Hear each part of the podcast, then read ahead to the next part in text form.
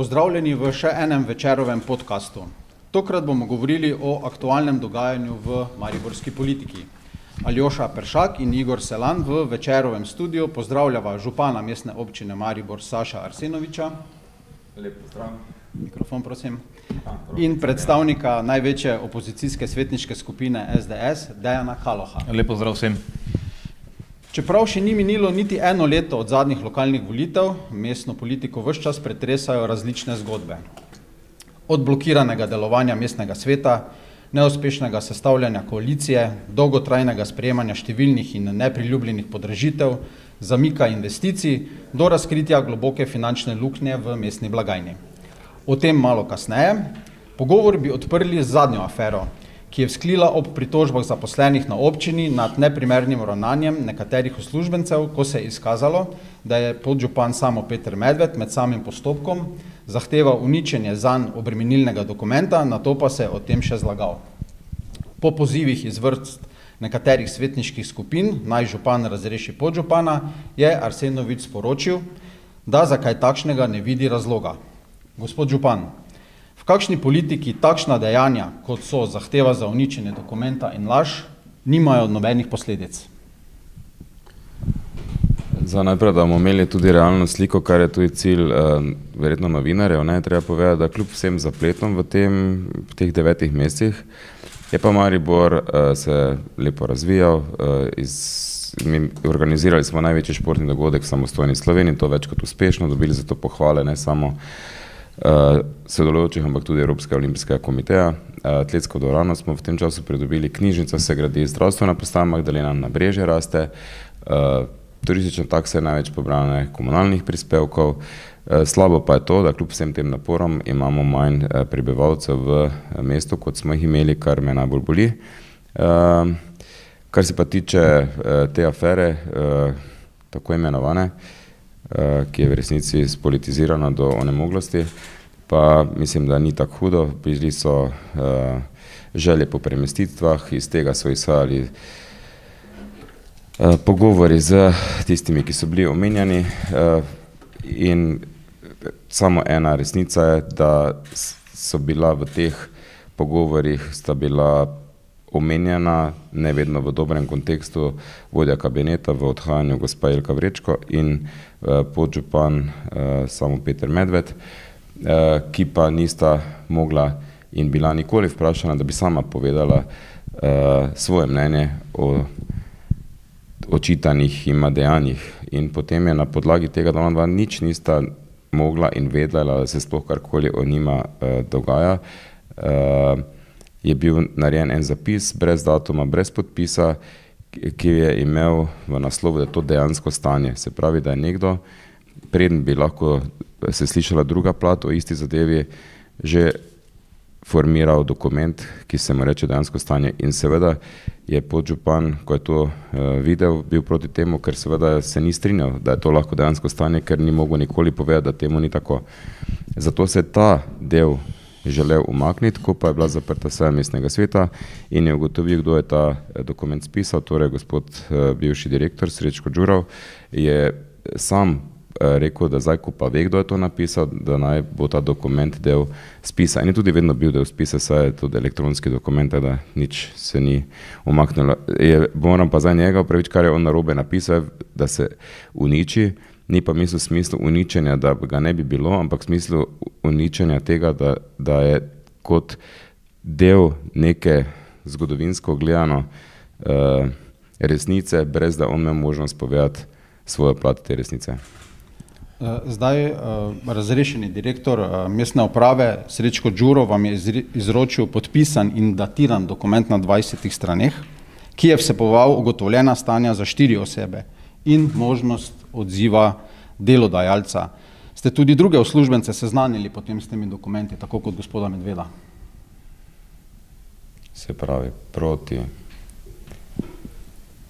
Pri dveh uslužbenkah je bilo zaznati elektronsko kršitve delovnega razmerja. In ste izpeljali postopek? In smo izpeljali postopek, ker je to bilo evidentirano. V kateri ste imela možnost je, se zagovarjati. Tako druga dva, proti katerim pa ni tekel postopek, pa sem se znanil samo s tem, kaj si drugi, morda v kakem slabem trenutku mislijo o njima. In to je bilo to. Proti njima ni bilo nobenega postopka uh, peljanega. Razen če ga je želel indirektno peljati gospod eh, Đurov. Ampak, če bi izpeljali postopek, bi podžupan imel seveda možnost se zagovarjati, pa tega eh, pravite, niste storili. Ne, nisem jaz storil. Ni bilo sproženega nobenega postopka proti podžupanu in ne proti Jelki Vrečko. In dajmo to enkrat ločiti. Ja. Kršitve dejanske delovno pravne zakonodaje, zaradi katere smo speljali postopek in pa na to odsevanja in in zavajanja ali pa tudi ne, pač obtoževanja nekoga, brez da oni drugi lahko reče karkoli. Mi imamo v pravnem sistemu, imaš odvetnika, tožilca in sodnika. Tukaj pa smo imeli niti tožilca, ampak smo imeli samo sodnika. Torej, tisti, o katerem se je govorilo, ni mogel reči, da to ni res. Jaz mislim, da si noben tega v svojem življenju ne želi, da bi bil v taki situaciji, da nekdo reče, da nekaj dejansko stanje, brez da tisti, o katerem se govori, lahko sam pove karkoli v zvezi s tem. Ampak kako se ni bil speljan postopek, kot sami pravite? Ne, ni. Če bi postopek bil speljan, potem bi imel možnost uh, povedati svoje. Ne? Zdaj, v bistvu ste okay. vi bili tisti, ki ste prekinili oziroma niste uvedli. Uh, imamo bistveno večji problem v tem mestu, kot pa pranje perila šestič. Državni organi delajo, mi smo uvedli notranjo vizijo, revizijo in danes jaz ne bom tukaj zagovarjal za nekaj, kar sem naredil, ker nisem nič narobe naredil, jaz tudi nikoli nisem bil omenjen v nobeni zvezi s tem in bi prosil, če lahko gremo na naslednje točke, če pa to je edina točka, pa bi jo lahko tudi zaključili. Imamo še več točk, uh, ampak bomo še malo ostali pri tej. Uh, Uh, govorili ste, o, da je zgodba spolitizirana, ampak a ni bila razrešitev direktora mestne uprave, ki je pri tožbi uslužben vzel resno in začel zbiranjem informacij, dejanje s politikanskimi nameni? Nisem razumel, na koga se je navezovalo politikanstvo. Zakaj ste razrešili Srečka Đura? Ne samo, če me lahko vi meni odgovorite na vprašanje, na koga se je navezovalo politikanstvo. Vi ste rekli, da je zgodba spolitiz spolitizirana. Jaz pa sprašujem, jaz pa sprašujem, jaz pa sprašujem. Kdo je zdaj politikantsko to odreagiral, nisem razumel, ali sem mogoče na robe razumel. Ja, uh, razrešitev Đurova lahko razumemo tudi tako, da ste želeli zaščititi svoje sodelavce, najtesnejša. To v najhujših uh, hudobnih sanjah nekoga, kogarkoli, lahko si seveda tako zgodbo tudi ustvariš, če si želiš. Ne? Resnica je popolnoma druge. Gospod Srečko Čure je odlično upravljal svoje delo nekaj časa, potem pa je postajal vedno bolj nadžupan in je želel sprejemati vse odločitve, s čemer se jaz kot izvoljen ponovno seveda nisem strinjal in so se naše uh, vizije o prihodnosti uh, ločevale, da pa to slučajno s tem so padalo, pa nima nobene veze. In tudi on v tem postopku ni delal nič proti meni, niti pravzaprav nič proti podžupanu, nič proti Elki. In je ta postopek bil čisto z njegove strani verjetno v dobri veri peljan. Eh, gospod Kaloh, vaša stranka je še s štirimi svetniškimi skupinami od župana Arsenoviča zahtevala, da razreši podžupana Medveda. Zakaj in kako ste zadovoljni zdaj spojasnili župana? Ja, lepo zdrav še enkrat z moje strani. Zdaj očitno je, da je ta tema pri županu seveda neprijetna, se vidi iz odziva, jaz ga na nek uh, način razumem, ker uh, gospod podžupan samo Medved je le županov najtesnejši sodelavec, pa vendarle vi ste postavili ključno vprašanje, uh, se pravi brez epiloga, brez posledic, zdaj vendarle vsi funkcionari, politični kot tudi drugi funkcionari, morajo slediti nekim visokim etičnim standardom. Zdaj še en Mariborča, ne, govorimo o gospodu Drago Šketi, sicer gre za drugo zadevo, ne, se ga pa pač v prostem času, v nesluženem času, pa vendarle 24-7, se pravi, ne nehno moramo uh, paziti na svoj ogled v javnosti, ne, v službi in izven, izven službenega časa, tako da je dejansko odstopil z funkcije, ne, ker je pač malo pregloboko pogledal v kozarec, tako da tudi v tem primeru, ne, ko je prišlo do teh nepravilnosti, se pravi, da je dejansko uh, Doktor samo Peter Medved zahteval ne, odstranitev tega kočljivega dokumenta iz dokumentacije že na polju, ne posega, posega uh, v to upravno mapo In tukaj bi mogel, ko je seveda, ko se zadeva prišla v javnost, če bi sledil tem visokim etičnim standardom, bi seveda odstopil. Jaz ne vem, zakaj se ne tako krčevito otepajo oziroma eh, branijo na svojih položajih, ko jim ne vem, eh, se dokaže, da so ne postopali nepravilno. Zdaj, eh, gospod Đurav je kot direktor mestne uprave smo ga ocenjevali, da je delal dobro, da je delal zakonito tudi vse naloge. Od farmadenta je bil rekel, dejansko v prvih bornih linijah, tako da ta prelom med županom in njim dejansko kaže na to, da uh, je tukaj, kot ste sami ugotovili, da je politično ozadje. Zdaj, zakaj je gospod Župan pokazal ne, spis pa te dokumente uh, dr. Medvedo pod Župano, je drugo vprašanje. Tako da sveda, mi smo potem pozvali uh, gospoda Župana naj uh, seveda razreši, razreši podžupana ravno zaradi teh kršitev. Zdaj tudi uh, verjamem, da je tudi samemu podžuplanu bilo neprijetno, ker verjetno v teh dokumentih je tudi bilo kaj obremenilnega za zlasti, verjetno neprimerno odnos do podrejenih, eh, neprimerno komuniciranje. Sicer res, da tanka linija je med nekim komuniciranjem pa po drugi strani kaznivim dejanjem šikaniranja na delovnem mestu, tako da tukaj se deloma z gospodom županom eh, eh, strinjam, da krv poprek obtoževati brez res nekih trdih dokazov, zlasti, če smo v polju nekih kaznivih dejanj, ne moremo, dokler ustrezne institucije same se ne vključijo v ta proces ugotavljanja odgovornosti, pa vendarle, kot pravim, etični standardi so pa tisti, ki jih moramo vsi funkcionarji zasledovati, tako da tukaj me žalosti, da mogoče sam podžupan ni prišel do tega uh, sklepa. Uh, dejstvo je, da ta dokument, o katerem govorimo, je bil evidentiran, je bil zaveden tako ročno kot elektronsko, tako da tukaj se zdaj neki skrivalnic nima smisla iti, je pa tudi župan vendarle tisti, ne, ki si izbira svoje uh, ožje sodelavce. Um,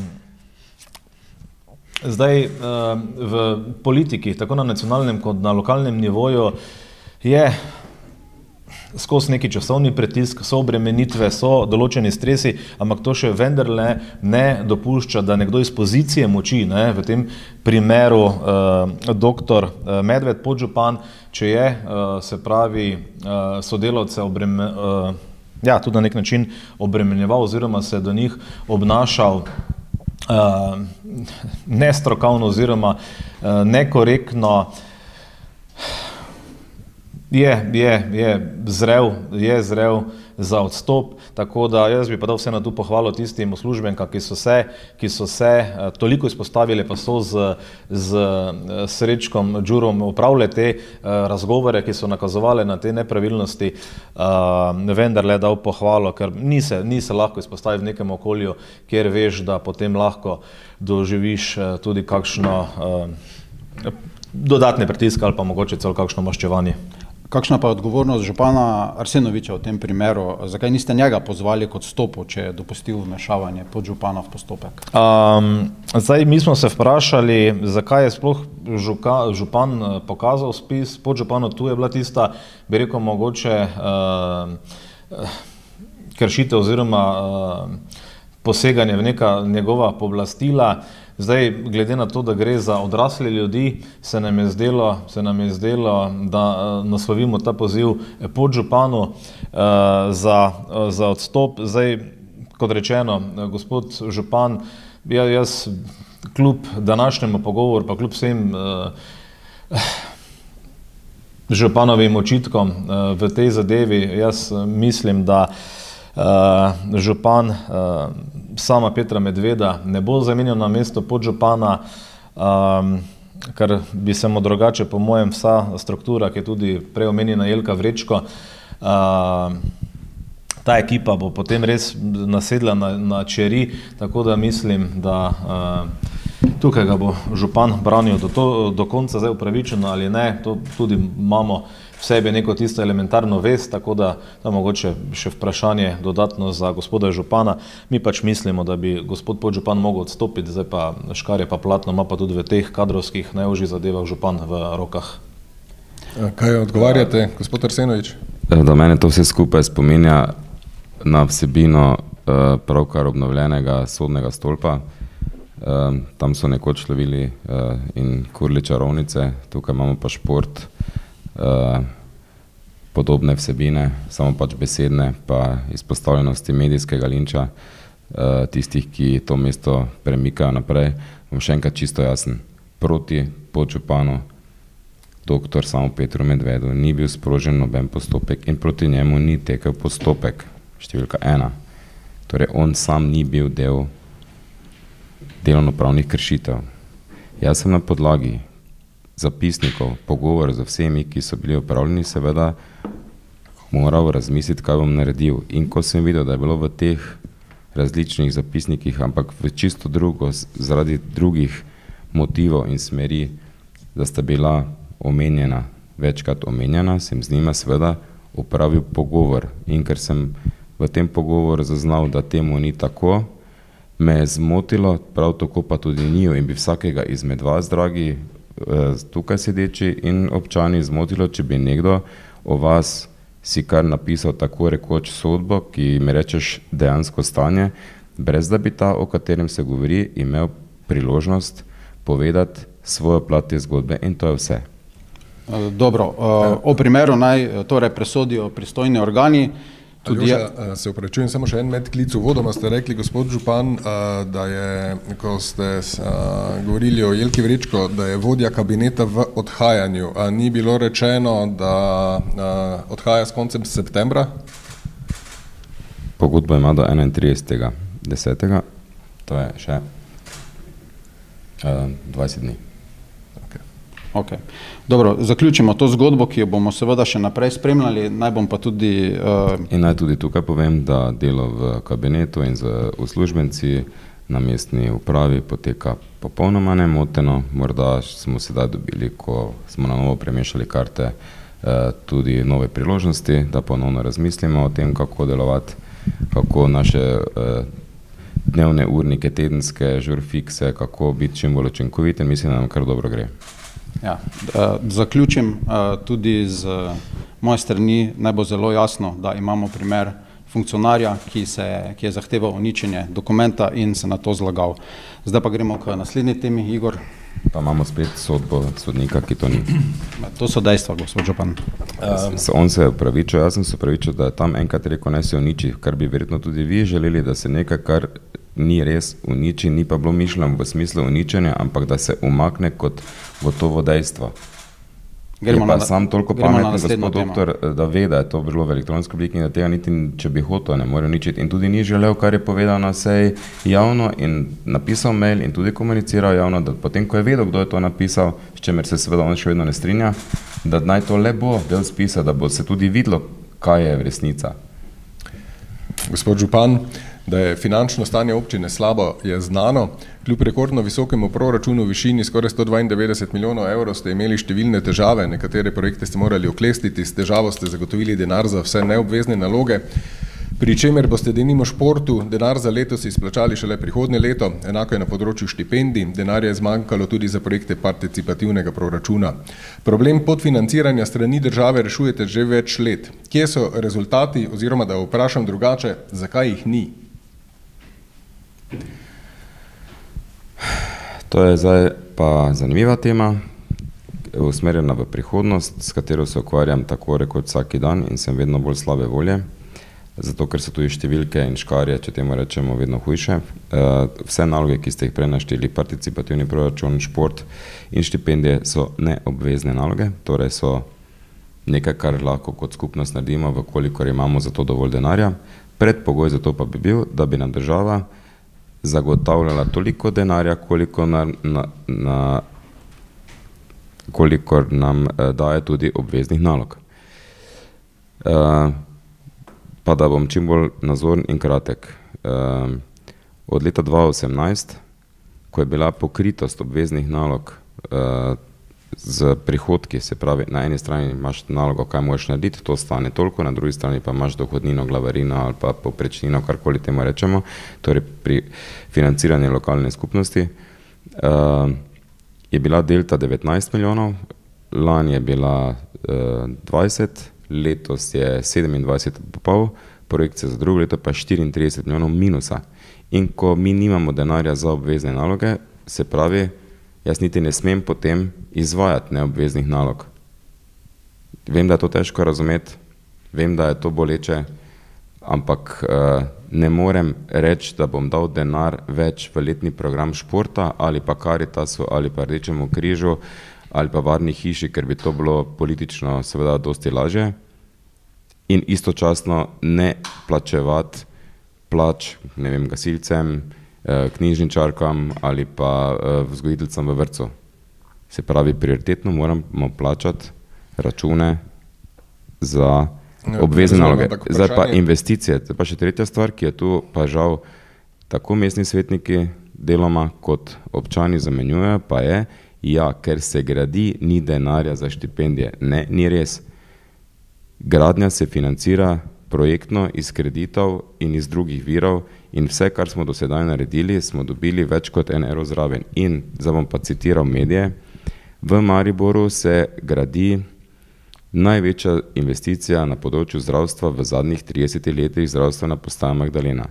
V Mariboru se gradi največji multigeneracijski kulturni center Rotoš. Maribor je dobil po ne vem, tisoč letih atletsko dvorano.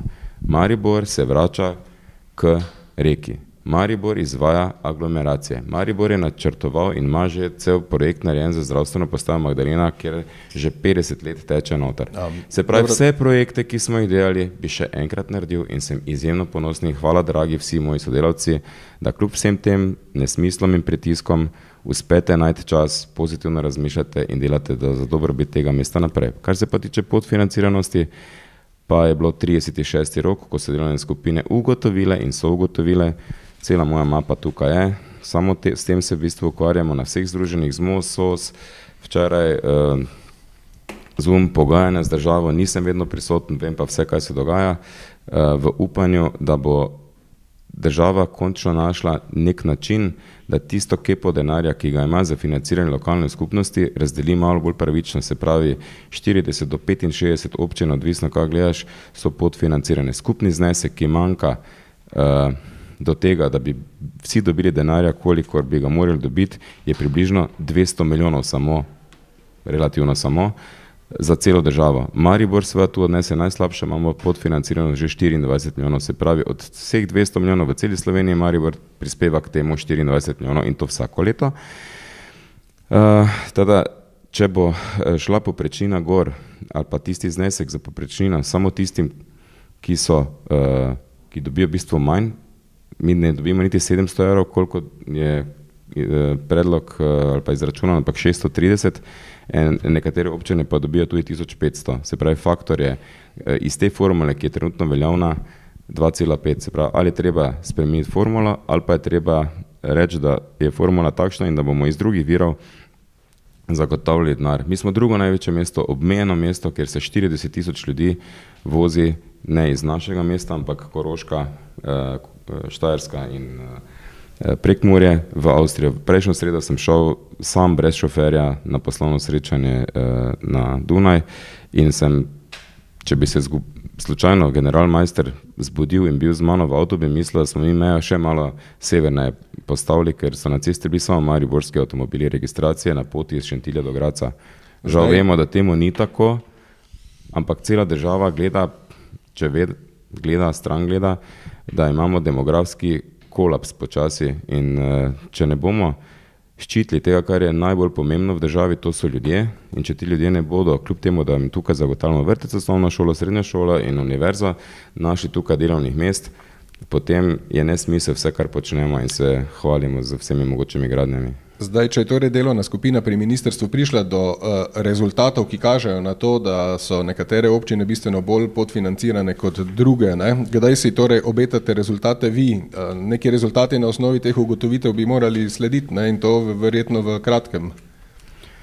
Odločitev je kot vedno seveda politična. Ne? E, imamo 212 županov, ki prav gotovo vsi delajo po svoji vesti najboljše, kar je možno in noben župan, ki je bil izvoljen in ki, ki pokriva delovanje svoje, tudi čeprav majhne občine, seveda se ne bo odrekel denarju za dobrobit kogarkoli drugega, ker ima sam prav gotovo več kot dovolj projektov, ki bi jih rad izvedel. E, in pričakovati neko s, e, soglasje nas, ob tem pa, da vsi vemo, da je itak premalo denarja v te vreče, ta usmeritev mora priti od zgora na vzdolj na podlagi vseh tudi demografskih rezultatov.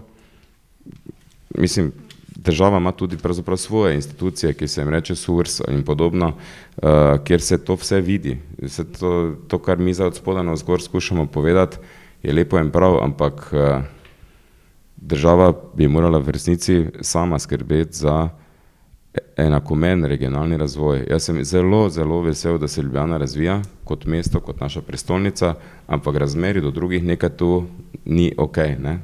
Uh, če se tudi Ljubljana je podfinancirana, ne? njim gre pač na roko, da imajo zakon o uh, glavnem mestu. Gospod Kaloh, mariborski poslanci bi lahko in bi morali pri problemu podfinanciranja veliko pomagati. S tem vprašanjem ste se sami ukvarjali že v prejšnjem mandatu, rezultatov ni.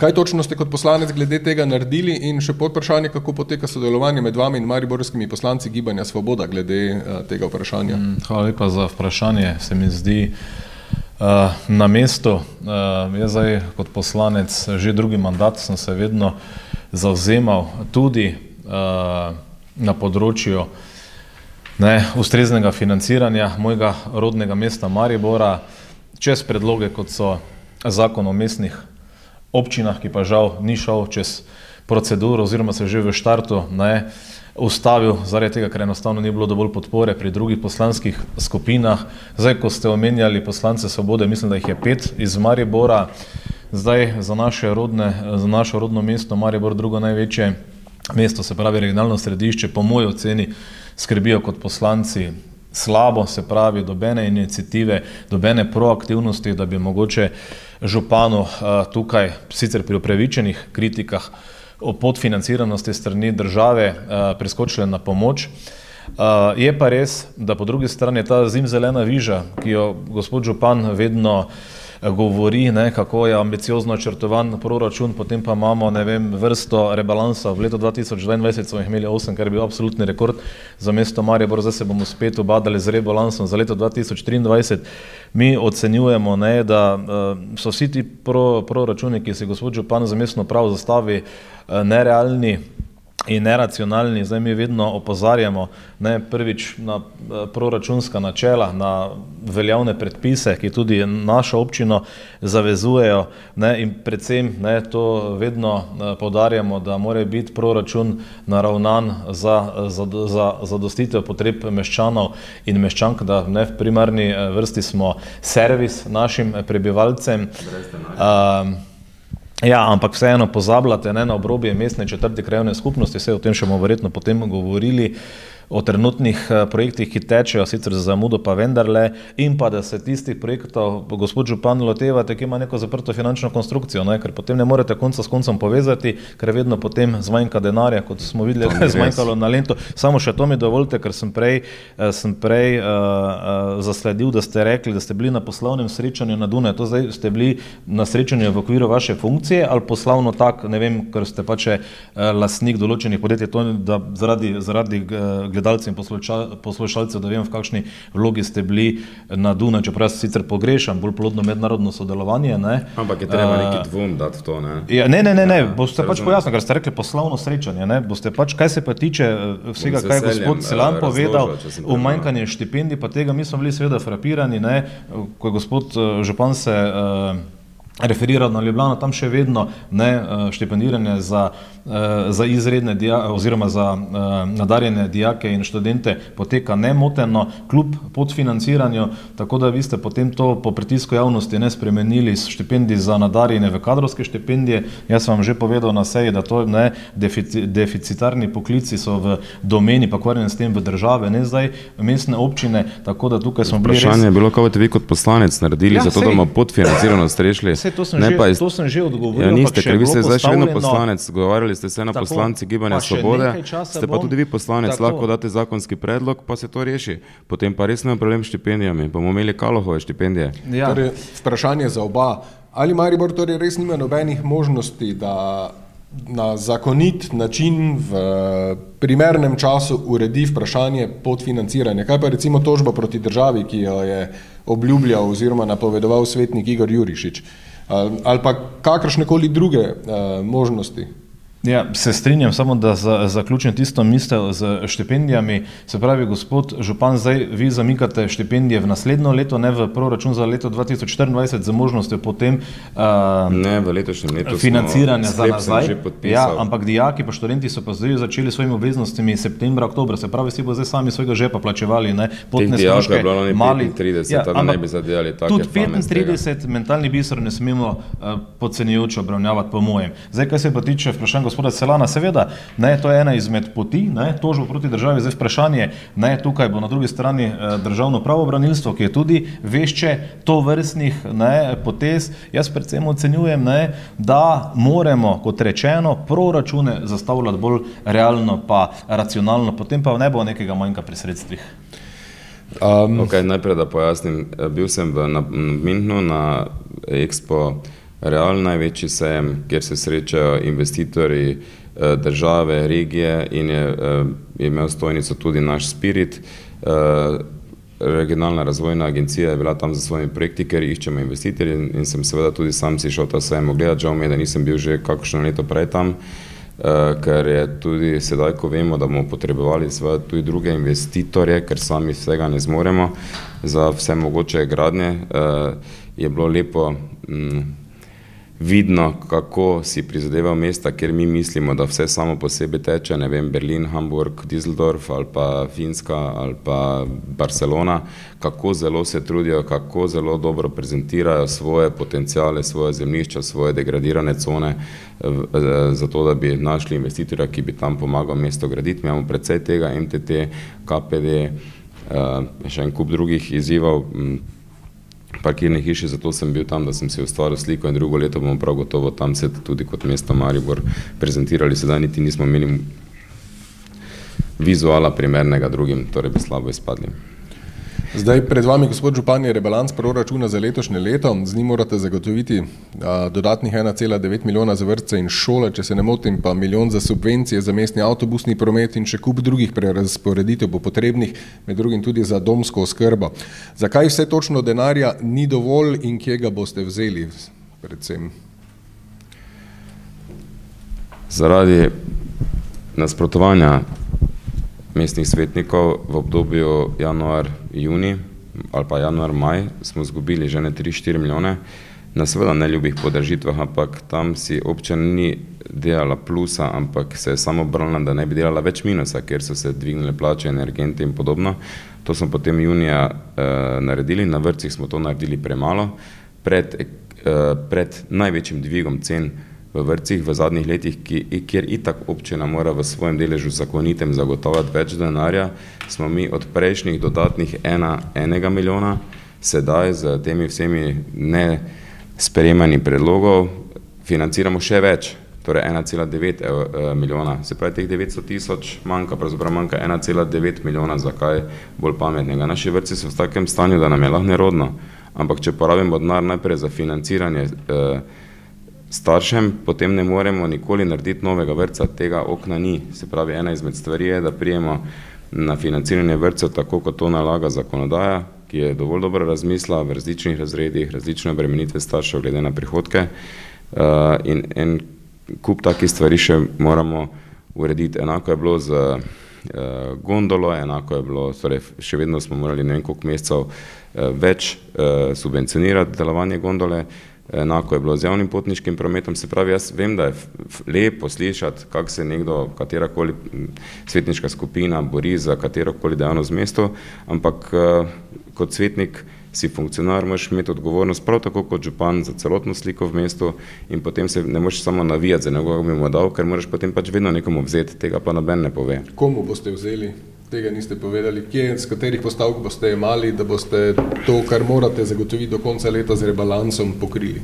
Mi smo, ko smo delali projekcije v mesecu aprilu, maju, je bila slika slabša, zato smo začeli z postavljanjem pod vprašaj izvajanja v 100% tako na področju nevladniške kulture, kot na področju športa, ki je bil najbolj glasen. Eh, mislim, uh, medijsko izpostavljen in smo na srečo ali pa na žalost uspeli v mestnem času odprodati toliko našega skupnega premoženja, da bomo sedaj lahko dali denar za programe. Nobenemu ne bomo zrabili zdaj v tem trenutku nič vzeti.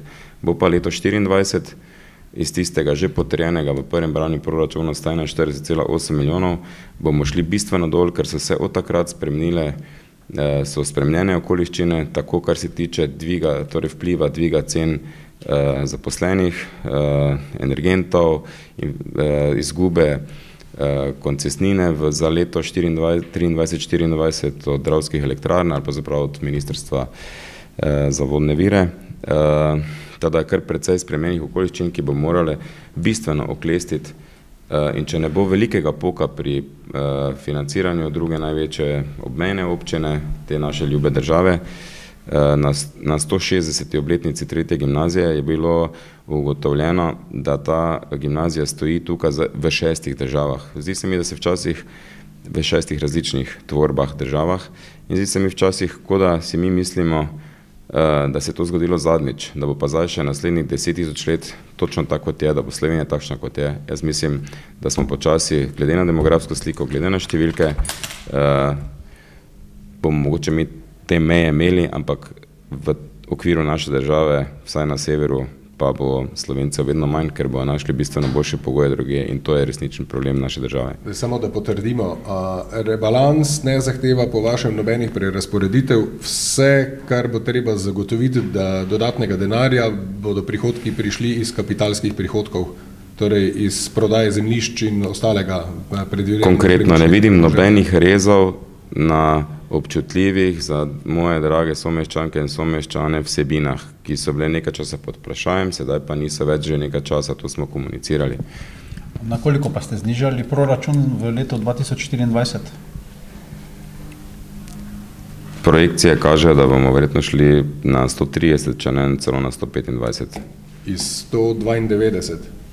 Ne iz sto dvaindevetdeset, iz sprejetih sto enainštirideset. Sto dvaindevetdeset v letošnjem letu. Letošnje leto je bilo prav posebno, ker smo zaključevali, zaključujemo še vedno z vsemi napori, da bi prišli do cilja, danes smo že enajstega desetega. Vse projekte, ki so bili sofinancirani v prejšnji finančni perspektivi dva trinajst do dva dvajset plus tri, torej plus tri je konec tega leta, in letos smo imeli na srečo odličen no, olimpijado za mlade, kjer je bilo treba do julija zgraditi vso infrastrukturo in iz razpisa, kjer smo bili uspešni na Pohorju, se pravi, kar gradita in končujeta vmesna postaja in Ruška, dali smo ena cela pet milijona, dobili sedem cela pet za razvoj našega dragega Pohorja. Vsi ti enormni projekti so v izvajanju, bodo predani v korist občanom, tako kot, ne vem, igrišče Iva Daneva kot en najboljših primerov ureditve okolja in tudi Nabrežje bo počasi prešlo v uporabo.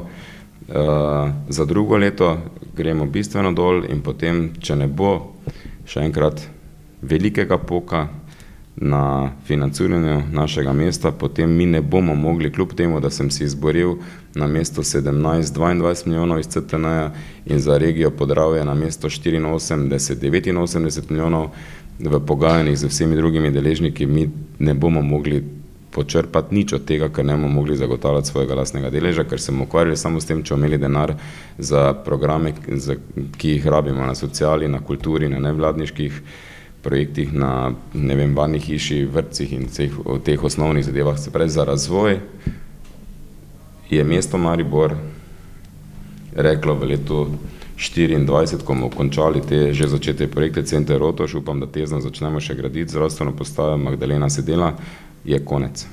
Gospod Kaloh, kje vi vidite, kaj bi se moralo zgoditi s z rebalansom proračuna in pa se vam zdi verjetno, torej da se bo vsa ta razlika pokrila s kapitalskimi prihodki? Ja, zdaj rebalans proračuna za leto dva triindvajset se tako na prihodkovni kot na odhodkovni strani se spreminja, zdaj seveda kot vestni mestni svetnik sem si seveda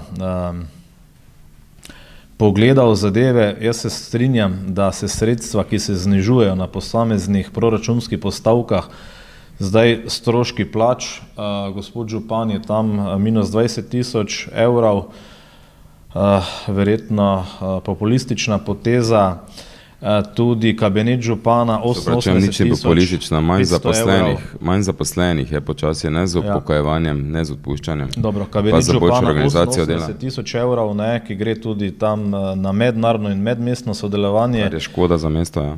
Se strinjam in tudi medklic, ne, rekli ste, da ste bili na Dunu, ne v Minhnu, tako da mogoče boste mogli uskladiti privatne pa uh, službene urnike. Zdaj sem v Minhnu, pardon, če sem ja, na, na Dunaj ste šli mimo Dunaja, Lapsos, dobro, ok grad, sem mislil, da sem no, se peljal okay. še til grad. Dobro. Se pravi, ja, zdaj, ko smo pač tukaj pri postavki medmestno sodelovanje, meni se res zdi tudi uh, mizerno, da zdaj bomo imeli na, na, na tej postavki 14 tisoč evrov, se pravi za 9 tisoč evrov se znižuje, ker gospod Župan, mednarodno pa medmestno sodelovanje, že zaradi prestiža samega mesta, zelo pomembno. Jaz se ne spomnim, ne, pa tu živim že skoraj 50 let, kdaj je pod vašo vladavino mestno, se pravi v prejšnjem mandatu, pa zdaj bil tukaj na obisku res kakšen, bi rekel, izpostavljen, ne vem, uh, uh, športnik uh, iz družbenega življenja, ne bom zdaj govoril Dalaj Lama ne, v, v mandatu Franca Krajla, ampak nekdo, ki bi lahko se mesto tudi pohvalilo, da pa je odprto za nekšne kalibre, da rečem, svetovnega eh, formata. Se pravi, zdi se mi, da smo zaprti v tej našem, v tej našem uh, uh, mariborskem uh, okolju, ne, ki ga sicer vsi ljubimo, pa občudujemo, ampak vendarle se mesto mora bolj odpirati, da ne se ga nekako tista oznaka, ne, da smo preveč zaprti, vendarle otresi, tako da tukaj se nam zdi postavka res nepotrebna. Dobro. Podprli ta amandma uh, za povečanje tega. Velja. Zdaj, kaj se pa tiče tisto, kaj pa prezela financiranje države, recimo tekoči transferi za zavod z področja kulture, se pravi v slabih 200 tisoč evrov, uh, to je uh, del, ne, ki pač bo ga država zdaj financirala. Kaj se pa tiče, zdaj ne vem, gospod Župan, ko ste govorili, osnovna dejavnost vrtce in, po, in popusti za vrtce je povišanje skupaj za 2 milijona evrov, osnovna dejavnost, ko pa govorimo o investicijah vzdrževanja vrtcev, pa na odhodkovni strani minus 650 tisoč. Zdaj to pomeni, ali ste vi že v štartu slabo planirali te odhodke, ali pa enostavno ni denarja zdaj za investicijska vzdrževanja vrtcev? Slabo smo planirali je. odziv mestnih svetnikov na naše predloge v mesecih januar, maj in ker vi niste potrdili večjega dviga vrtcev, je šel denar za subvencijo staršem za njihove otroke in zato nimamo denarja za vzdrževanje vrtcev, ker denar je pač končen, ker tiskarne nijemo. Seveda, ampak eh, vi pa razumete opozicijsko vlogo, ne, pa tudi širšo vlogo, ki jo imamo, ne, zavedanje svetnikov, da pa starše ne moremo obremenjevati po dodatnih podražitvah, ravno tako uh, gospod Arsenovič v šolah. Mene bi z veseljem, jaz imam ne. dva otroka, vrtca, tri ja, enega. No. Verjamem, tudi ja. investicijsko držanje šol tudi minus 544 tisoč evrov. Se pravi, to starši vendarle gledajo, občani to gledamo, tako da na teh postavkah si ne bi smeli privoščiti. Se strinjam, e, predlog imamo že z večino za naslednjo sejo znižamo subvencijo na vrtcih za 1,9 in damo vse v ta isti znesek, damo vse v vrtce vzdrževanje in novogradnje tam, ker imamo vrtce, ki se jih pravzaprav lahko sramujemo. Zmenjena? Konstruktivni predlog, seveda bomo imeli še... Potem pokrili plače? Tako bolj bo pa za plače zmanjkalo. Ne, ne, to ni za plače. Plače mi imamo v zgornji formuli, kjer zagotavljamo. Mi pa na to vse damo še 1,9 milijona dodatno staršem. Do letos, ko smo imeli, predtem smo imeli ta enormni dvig cen vrtcev, zaradi dviga cen energentov in plač, smo to vsa leta subvencionirali en milijon. Letos, ko nam gre pa najslabše, pa so se mestni svetniki odločili, da bomo pa zdaj eh, subvencionirali celo več kot prej 1,9. In sedaj smo mi na sklenem dogovor, da več tega ne bomo delali, ampak bomo raje dali v vzdrževanje vrtcev. Jaz se strinjam, hvala, to je odlično. Cena, cena vrtca bo pa potem uh, dražja spet. Bo dražja, ampak bo doletela tudi vam, dragega župana, ki bo potem več za svojega sina z največjim veseljem plačeval za vrtec, kjer se dobro počuti in je 40 ur na teden tam in je ta znesek relativno za hrano vred še vedno nizek, ker ga, ker ga občina že itak subvencionira v osnovi. Gospod Kalov, se strinjate s tem predlogom? Glede, seveda, zdaj eh, župan je hodil tako všečno pred, kameri, eh, pred kamerami že, eh, kako bi rekel, neko eh, zavezništvo vzpostavljati, sicer tu so preveč resne stvari, da naj, za... največja opozicijska stranka v mestnem svetu ne bi upravljal nekih poglobljenih razprav v širšem omizju, tako da jaz sem sicer vesel, da je vendarle župan pripravljen prisluhniti tudi opoziciji, ampak kot rečeno, mi smo resna stranka. Meni se pa ne... večkrat zdi, gospod ja, Kolov, da, sem, da imamo mi največjo opozicijsko stranko, svetniška skupina Arsinovič za Maribor, in da imate vi pravzaprav koalicijo z gibanjem Svoboda. Jaz mislim, da še bo pol v nadaljevanju debata, verjetno ne o teh razmerih, tako da mi smo bili vedno konstruktivna opozicija in vedno smo podpirali dobre predloge za naše občanke pa občane, vedno. Zdaj, ko govorimo o finančnih težavah občine, je velik del razlogov za luknjo blagajni dejansko v podfinanciranosti uh, strani države, absolutno. Pa vendar. Edini razlog. Del odgovornosti nosite tudi vi, župan, s preobsežnim investicijskim ciklom, ki ga ne morete več spremljati. Posledice se najbolje kažejo pri obsežni obnovi lenta. Če bi vi recimo postavili vprašanja, ne pa trditve, ne? Mi ga dobro spremljamo. Pridem do vprašanja, če mi dovolite. Ne, okay, ne, ker vi... Treba je stvari postaviti v nek kontekst, predno lahko postaviš vprašanje. Okay, aha, ja. Samemu sebi rečeš, po, ok, ok, ne, nisem več. Lahko, la, lahko dokončam. Ja, seveda. Hvala. Se imate napisano. Seveda. Uh, zdaj posledice se najbolje kažejo pri obsežni obnovi lenta, ki že krepko zamuja, sicer pa zaradi pomankanja denarja ne bo izvedena v celotni načrtovani obliki. Zdaj, kakšne so zadnje novice z gradbišča na Lentu? Kdaj se bodo dela končala, kako škrba bo na koncu Lent, oziroma kaj se predstavlja v naslednja leta? Kar nekaj vprašanj. Torej, ureditev na Brežja je del projekta Dravske promenade, ki je dolga 14 km. Sedaj govorimo o 25 tisoč metrih urejevanja od studenške brvi do vodnega stolpa. Uh, to je se pravi samo en del celotnega projekta, ki je že narejen, uh, zarisan in katerega drugi del se izvaja, je končal za splavarsko brvjo, tretji poteka eh, razširitev eh, pod medicinsko fakulteto do dvoetažnega mostu in potem še lani je bilo narejeno kolesarska steza v Melju, tam pod bivšim Masajem proti uh, Malečniku uh, in je to sve en najbolj zahtevnih uh, projektov, ki nas bo uh, ki bo popolnoma spremenil naše dojemanje mesta teh generacij. One starejše so živele ob in v Dravi, dokler tukaj ni bilo elektrarne, sedaj bomo pa tudi mi ne več živeli od Drave, ampak bomo se vrnili k Dravi, kar kažejo tudi eh, gibanje ljudi, kljub temu, da se gradi, je Lend že sedaj poln in bo bistveno bolj poln. Vidite, zdaj ste vi tudi postavili kontekst, ne? zdaj pa še ja. odgovorite na vprašanja. Da je, da smo na srečo ne pri atletski dvorani imeli toliko zamud, ker potem EOF-a ne bi bilo, eh, da je tukaj pa bilo zelo zahtevno, ker je osem različnih eh, podjetij istočasno delalo in so bili soodvisni od drugega. V mestnem času smo naredili um, toplotno črpalko v pristanu, kar je vsaj malo diversificiralo naše vire energetske, uredili dostop v pristan. Dem v skladno z tem razvojem nabrežja sledi z utrjevanjem nabrežin za svojim podjetjem RGP, ki pa tudi ni mogla vedno izvajati del, ker so imeli visoke, eh, ker je bila visoka drava, sedaj je ta problem rešen in pospešeno delo, vsak dan je na gradbišču med 50 ljudi. In smo že trgatev eh, naše najstarejše trte na srečo imeli na nekem tak dovolj uh, sproščenem prostoru in jaz upam, da bo uh, da bo Martinovanje, mm, ki bo potekalo malo pred 11. novembrom in potem še kakšen dan več, uh, ugledalo še boljšo luč, torej da bomo povezani z vsaj do, da bomo prišli z deli mimo starega mostu. Uh, je pa res, da objekt ne bo takšen, kot je bil zamišljen, ko smo začeli in smo en del urejevanja teh tako imenovanih plaž, uh, ki so tri, ena je pred uh, Eh, pristanom, eh, druga je pred najstarejšo trto, tretja pa na vzhodnem delu eh, starega mostu. Smo to prvo, zadnje omenjeno, dali ven že, ko smo načrtovali proračun, ker smo videli, da ni denarja. Drugi del je, so odnesle koncesnine zmanjšane, en milijon približno za to leto, tretji del pa podražitev atletske dvorane, tako da upam, da bomo ta del stika z vodo rešili v letu 2024. Uh, kar se pa tiče, če boste imate še tu kakšno vprašanje, ali grem sam na promet in te teme. Do prometa še pridemo. Zdaj, gospod Kaloh, najprej morda vaš komentar. Razumete te argumente ali menite, da bi se investiciji morali lotevati drugače?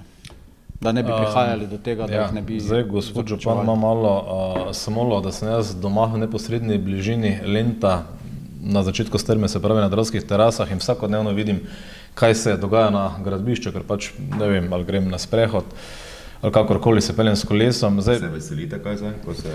Zelo, seveda, vse sem rekel, 50 let sem že skoraj v tem mestu, ki ga srčno ljubim. In spoštujem, zdaj jaz sicer ne vem, kje gospod Župan vidi 50 do 100 ljudi, ne? jaz jih res, oprostite, zdaj ne, ste bili na zadnji na lento, jaz jih nisem nikoli naštel do 100, na 100, tako da res mogoče to malo spet potencirate, ne, nekaj jih je, ni pa jih 100, definitivno jih ni 100, jaz jih nisem videl. Zdaj uh, obnova lenta naj bi stala tam 7,5 milijona evrov, Zdaj, jaz upam, da teh, ko ste prej navezovali na evropska sredstva, da 2,4 milijona evrov ne bo ogroženih ne, do konca leta, verjetno boste kaj na to temo še povedali. Zdaj, um, na promet, ko ste rekli, še pridemo. Jaz predvsem zdaj, gospod Župan govori o preporodu, eh, o pre, pre, preporodu našega mesta zaradi te obnove lenta. Zdaj, mi se lahko pogovarjamo o sami estetiki, ne? Eh, o sami estetiki, zdaj beton, tlakovci, boj, da še bo pol prišlo neko uh, ozelenitev v prihodnih korakih, pa vendarle zdaj uh, sama, sama, ta, sama ta nova fasada, ne, to lipšpanje lente bo mogoče za oko privlačno, ampak zdaj pa se pravim, ker lent zelo, zelo dobro poznam, zdaj, če ne bo nekih dodatnih vsebin, ne, poleg, bi rekel, te gostinske dejavnosti, pa a, določene a, galerijskih zadev od vodnega stolpa, pa židovskega stolpa v tem ožjem delu lenta, jaz ne vidim, kakšna bo tista res dodana, dodana razvojna dejavnost. Zdaj, v tem delu, eh, ko je država eh, poskrbela za, za financiranje dodatnih eh, turističnih kapacitet, ker je tudi gospoda župana podjetje je bilo deležno uh, kosa te pogače, uh, 1,8 milijona za Žički dvor, se pravi, da tukaj bo neka dodana vrednost ne, samega turizma, na Lentu to vidim, ampak gospod župan, vendarle, vendarle ste se tukaj v zato uh, široko poteznostjo ne, teh plaž, pa ne vem, tudi v končni fazi te nove brvine, ste se resnici na ljubo zakalkulirali. Na dražbi Len že mogel biti končan maja 2023, zdaj tu občani gledamo to žalostno, žalostno gradbišče še vedno. Uh, jaz imam sicer še en, en predlog. Ne, še en predlog. Jaz, jaz na Lendu res pogrešam, nekaj, da bi to bil res neki eh, turističen magnet, poleg siceršne lepe vedute, ne, ki jo imamo, ne za sicer jo kazita brv uh, z starim mostom, ne stari most je zdaj ne, eh, malo s tem siceršna veduta skažena, s, tom, s, to, s to novo brvjo. Ne, jaz razumem va, vašo idejo, pač te krožne poti, pa ko ste razlagali širše te dravske promenade. Veste kaj? Uh, Jaz pogrešam, da bi bila recimo na Lento kot neka, pa s tem zaključujem ta del, Mariborska aleja eh, slavnih, ne, čisto resno mislim tisti, ki so se v Mariboru rodili ali pa v pozitivnem kontekstu doprispevali Mariboru.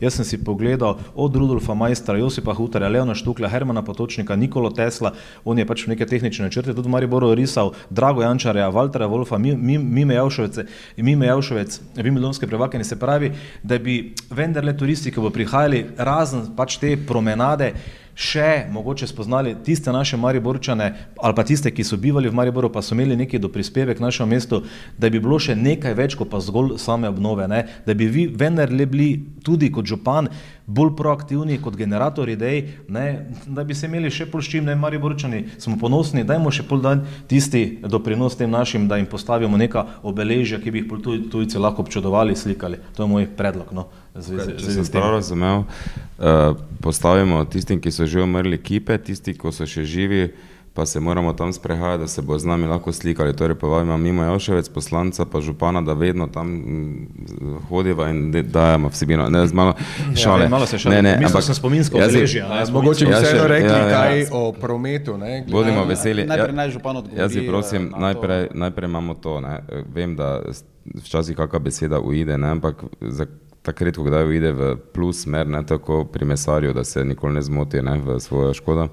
Um, če vsak dan tam hodite, pol verjetno tudi vidite vso to zemljino, ki se že navaža, ne, v vse te lukne, ki ljudje niso vedeli, čemu služijo, služijo o zelenitvi, se pravi eno odlično krajinsko, krajinsko eh, rešitev. Menite, da ta bojda ne, za zelenitev, komaj čakamo, oktober je ta mesec, ki ga smo čakali zaradi primernosti časa, da se ta eh, nabreže tudi ozeleni.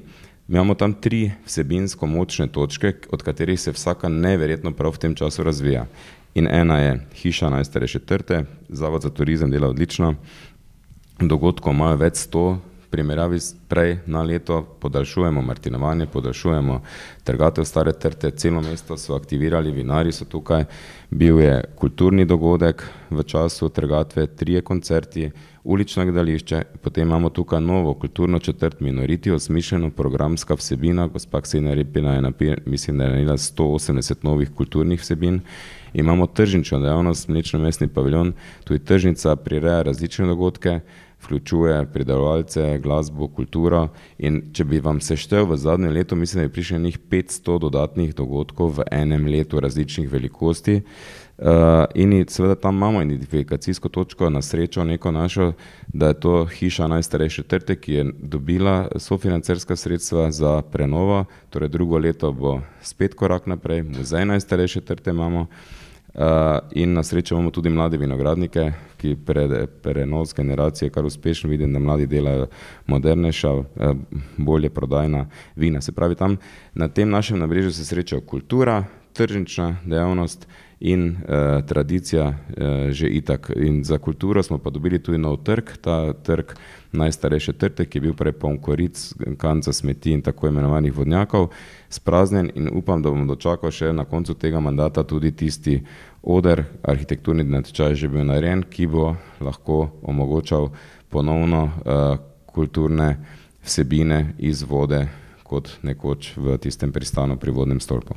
Eh, župan, kako pa bo s prometom? Zdaj, kot ob zaprtju Koroške ceste, je del javnosti vznemirila napoved, da se bo tudi Lend zaprl za promet med sodnim in vodnim stolpom. Kakšni so konkretno načrti glede prometne ureditve? Uh, torej, celotna poteza na Lendu je približno km 300 gledano od Studenčke brvi do mm, Niagare, naprimer, ja, ali parkirišča na, pod uh, Titovim mostom. Uh, v delu najbolj bomo ščitili z režimom uh, ta najstarejši srednjeveški del med obema stolpoma z potopnim valjem, tam bo poseben režim. Uh, ostali del lenta tega je približno 450 metrov, ostali del lenta bo pa vedno dostopen 24 ur na dan. Se pravi, lent bo vedno dostopen v enem delu, pa bo poseben uh, prometni režim med sodnim in vodnim stolpom. To je tisti del, ki je uh, navezan tudi na pešcono zgoraj in na naš park, se pravi, vsebinsko se pešcona podaljšuje, bi rekel, v uh, ta del in uh, mislim, da si noben tam prometa ne želi. Tudi v mestu nobenega kolapsa ni, kar se vidi že zdaj tudi oktobra prometnega, mislim, ker tudi zdaj, zdaj je lent popolnoma neprevozen tudi na onih delih, ko v bodoče bo. Eh, zaradi gradnje, tako da bo sprostitev za promet v višjih ulicah prav gotovo prišla, ko bo eh, do gradnje zaključena na zahodnem in vzhodnem delu. Osrednji del bo prevozen eh, do desete ure za vse, torej tudi za kogarkoli, da bo lažje prišel na delo in po deseti uri pa bo to namenjeno enako kot vojašniški trg ali glavni trg ali park pešcem in vsak dan vsak dan. Pa do katere ure bo zaprt? Hm. Do večera. Ja, pač tako, da, bo, da ne bodo moteni tisti, ki bodo šli po službi tja uživati stik z vodo in uh, se veseli druženja ali pa kakšnih drugih vsebin, o katerih smo pregovorili, kulturnih, tržničnih. Torej, Če vas prav razumem, pravite, da prebivalci na Majstrovi in Mladinski krekovi nimajo težav in da tam ni zastojev in ni prekomernega prometa. Iz vidika nekega urbanega središča ne, iz vidika avtoceste imajo, ker morajo včasih počakati en interval na semaforju, ampak ti isti se vozijo brez problema dve uri na dan v eno, pa dve uri na dan v drugo smer v Ljubljano, vlastne mesto pa je težko počakati dve, tri minute. Jaz pa mislim, da je tu cost benefit, tega, da malo potrpiš na kakšni ulici, uh, da je vredno tega, da imamo prometa sproščen lent, ker temu vsemu je to tudi bilo namenjeno, da bomo imeli tam našo oazo 365 dni na leto, ker se bomo družili, sproščali in bomo končno imeli stik z našo mogočno uh, reko. In tudi mislim, da iz aviona gledano nobeno mesto nima ob svojem nabrežju in promenadi še istočasno prometa. Ne. Ta zgodba mislim, da je mimo in tudi eh, država, Evropa nam daje denar za to, da spreminjamo te navade. In bo seveda na tem delu bo pa servis omogočen, majstre imamo tri, vozita za enka dva, teda kupljene imamo že tri plus tisti papa beli mobil, tako da bo majster potem v tem delu uh, servisiral naše meščane za, za njihove potrebe. Uh, gospod Kaloh, kako uh, komentirate te ja, Jaz bi samo še eno stvar, pa se opravičujem, uh, še ena zelo pomembna zadeva. Uh, dve novi uh, M-bike postaji sta že postavljeni, uh, kmalo pridejo še kolesa noter, ena uh, na pobrežju pod Griničem, pod tako imenovano kačo pri dvojetažnem mostu, kjer boš lahko šel na to novo zgrajeno, skoraj dva km dolgo razširjeno Eh, pot ob eh, reki od dvotažnega mostu do Splavarske brvi, šel čez Splavarsko brvo z M-bajkom in pustil kolo pod lutkami in šel na lutkovno predstavo ali na kavo ali na, eh, na tržnico. Se pravi, je tudi M-bajk bo pomagal k temu, da naš priljubljen M-bajk, mislim. Ja, torej, kako komentirate to, gospod Kaloh, kot mestni svetnik? Ja, na mestnih svetnik kot mestni svetnik na mestnih, svet, na mestnih svetih eh, niste o tem razpravljali mm, mm. in kot stanovalec bližnji. Tako kot mestni svetnik in kot domačin. Zdaj, ko gospod eh, župan tudi se primerja rad stojino, ne, zdaj bliste na Vrbskem jezeru v Feldno, ne, tam je v neposrednji bližini jezera čez strogi center, vse v eno smer speljan promet, pa doben tega neproblematiziranega nikoli ni. Zdaj, kaj se tiče eh, ideje, da bo promet od petka popovdne po službenih... Nisem na časa iti na Vrbsko jezero. Po, na Münchnu smete čas. Ne, jaz vam pravim, kak je krok Feldna speljan promet mimo kazinoja, ne, mimo historičnih nekih uh, objektov, pa normalno uh, se pač obadajo s tem, da ne zapirajo. Zdaj, ideja gospoda Arsenoviča in njegove mestne prave, da bo zaprt promet od petka popovdan do nedelje zvečer med sodnim in vodnim stolpom. Ne, vsak dan. Zdaj, a ja, celo vsak dan, to je bilo zdaj prvo mišljeno, uh, čez vikend, zdaj pa ste rekli vsak dan, ne? Ja, ja. Pa, uh, pač vsi mogoči uh, in arhitekti in uh, meščani spraševali po zdravi pameti, pa sem se vprašal, če, sem, če še imam ali sem bom podlegel pritiskom no, sej, uh, manjšine. Sej, ravno te racionalnosti sem hotel nekaj spregovoriti. Zdaj, ko vi pravite, ne, mi smo se tako odločili, mestno pravo se je odločila, no zdaj je tu kakšna stroka, prometna, to kar, kako bi rekel, ad hoc. Meritve, ne, ja. meritve no, delamo, vse bo poskrbljeno. Da končam. Zdaj, kaj se tiče prometnih zamaškov v Mariboru, ne?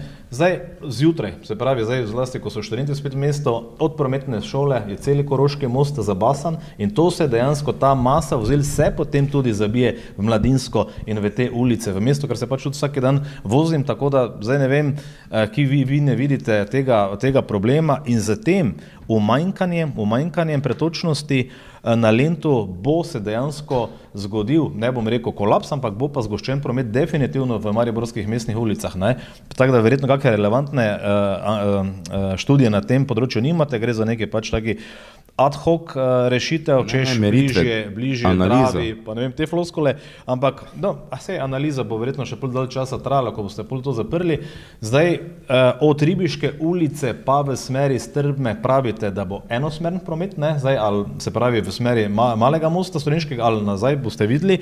Ne, zdaj, kaj se pa tiče te večje, te večje linije Gordonjagare, pa dejansko eno prometno žilo, ne, vsaj po naši oceni bi vsaj čez dan tudi, se pravi, ne, ko pravite bivanje ne, pešcev, uh, sobivanje pešcev, uh, kolesarjev, avtomobilov z omejitvijo 10 na uro, s tem se strinjate, ampak vse tukaj mi mislimo, da bi se enosmerna, ne, če neki dvosmerna, tudi v tem starem jedru med vodnim pa sodnim stolpom mogla biti zaradi pretočnosti uh, odprta. Ne, mi, bi, mi bi mogoče se strinjali s tem, da bi se čez vikende zaprlo, ko dejansko ni ne, niti delovnih migrantov, niti sitršnjega prometa, toliko zdaj, da se bo pa zaprla lent za, za tako rekoč zavedno. Ne, je tudi bilo malo zavajanje javnosti, ker ste tako, bi rekel, kaskadno šli, ne, v bistvu se ne bo nič zaprlo, ja, zdaj bomo zaprli samo čez vikende, zdaj že čez cele delovnike.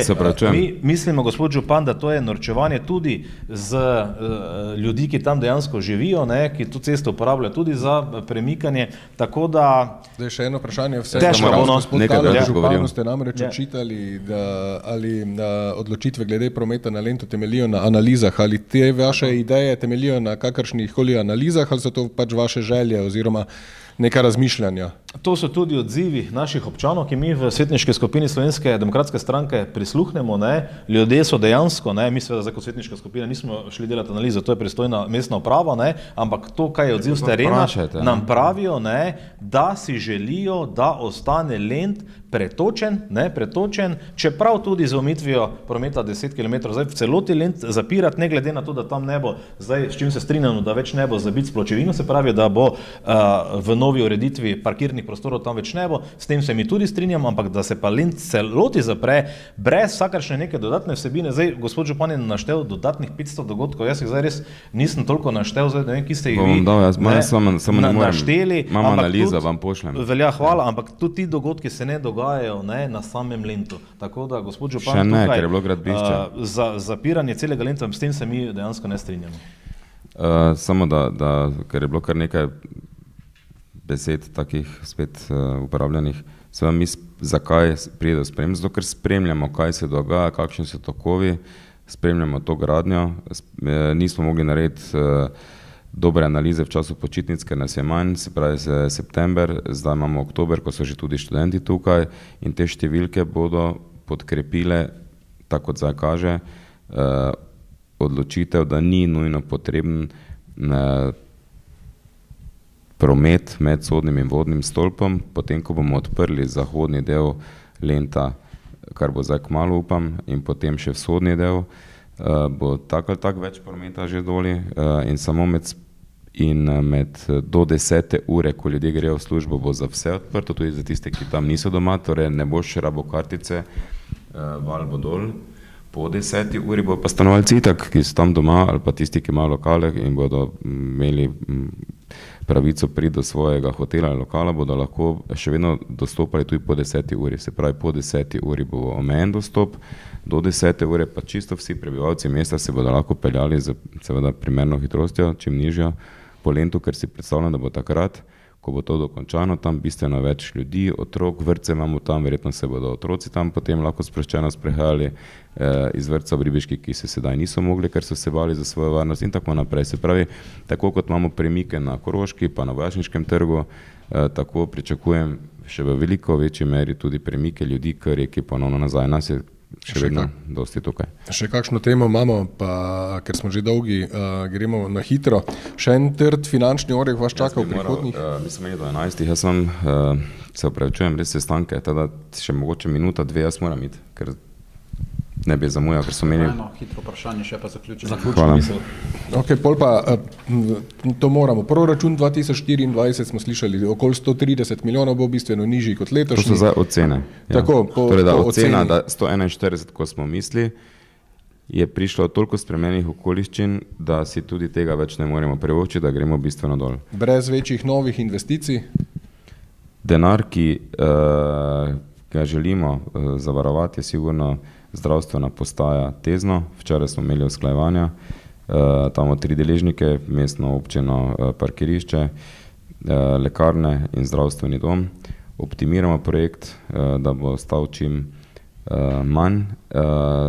Pogovori z državo gredo v pravo smer, da bomo lahko tisto kvoto, ki nam kot mesto še na primarnem zdravstvu pripada v celoti, 5,3 milijona izkoristili za uh, ta del.